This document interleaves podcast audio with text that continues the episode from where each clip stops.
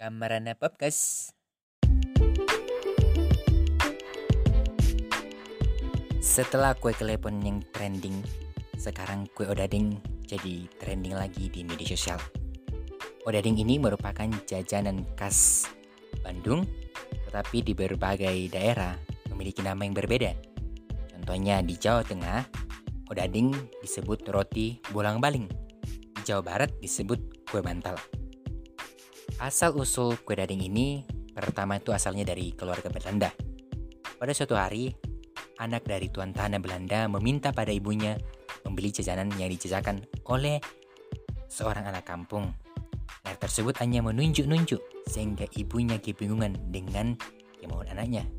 Akhirnya ibunya memanggil penjual kue dan menyuruh membuka dagangan yang ditutup dengan daun pisang. Setelah dibuka, ibunya berkata, "Oh, dading," yang artinya "oh, barang itu." Itulah asal-usul kue odading. Kue odading ini viral di sosial media karena dijual oleh Mang Soleh odading rasa Iron Man. Odading ini dibuat dari campuran tepung terigu, telur, ragi, gula, garam, dan air.